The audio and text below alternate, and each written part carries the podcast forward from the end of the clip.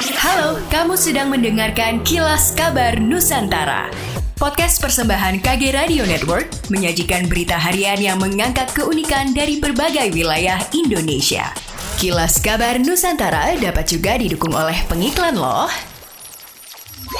Pesta Rakyat Simpadas hadir kembali. Saksikan ragam kemeriahan dari tanggal 14 sampai 16 Oktober 2022 di lapangan Ahmad Yani, alun-alun Kota Tangerang. Akan ada bazar dari ratusan UMKM unggulan mulai dari kuliner, fashion, craft, dan masih banyak lagi. Dimeriahkan oleh Kahitna, Nasar, Dumasif, dan Kunto Aji, ada door motor menanti kamu. Datang dan saksikan kemeriahannya. Atau saksikan di Kompas TV dan Youtube Bank BRI tanggal 15 Oktober 2022 pukul 15 WIB. Info lebih lanjut, cek Instagram BRI di @bankbri underscore ID.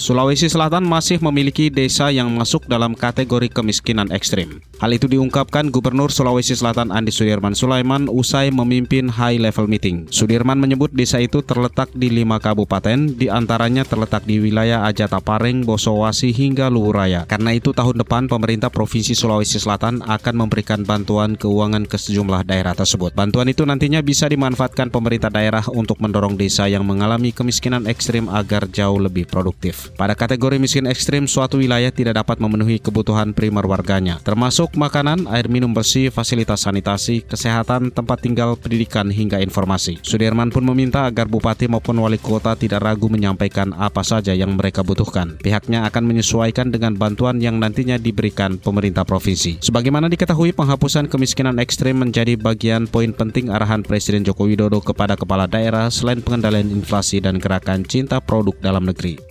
Medi Tirangon, Ketua KPU Sulawesi Utara mengatakan bahwa pada pelaksanaan pemilu 2019 dan Pilkada 2020, partisipasi masyarakat di Sulut terbilang tinggi. Hal itu jelas Medi tak lepas dari kontribusi insan pers selaku pemberi informasi. Kini menjelang agenda pemilu 2024, Medi mengajak seluruh insan pers untuk berkolaborasi dengan KPU tidak hanya untuk meningkatkan partisipasi pemilih dari segi kuantitas, melainkan dari segi kualitas kualitas.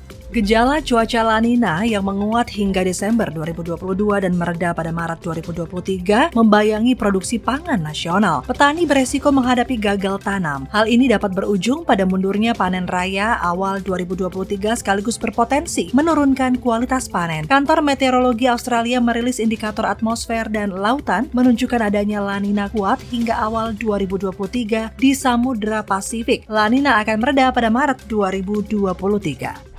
Demikianlah kilas kabar Nusantara pagi ini.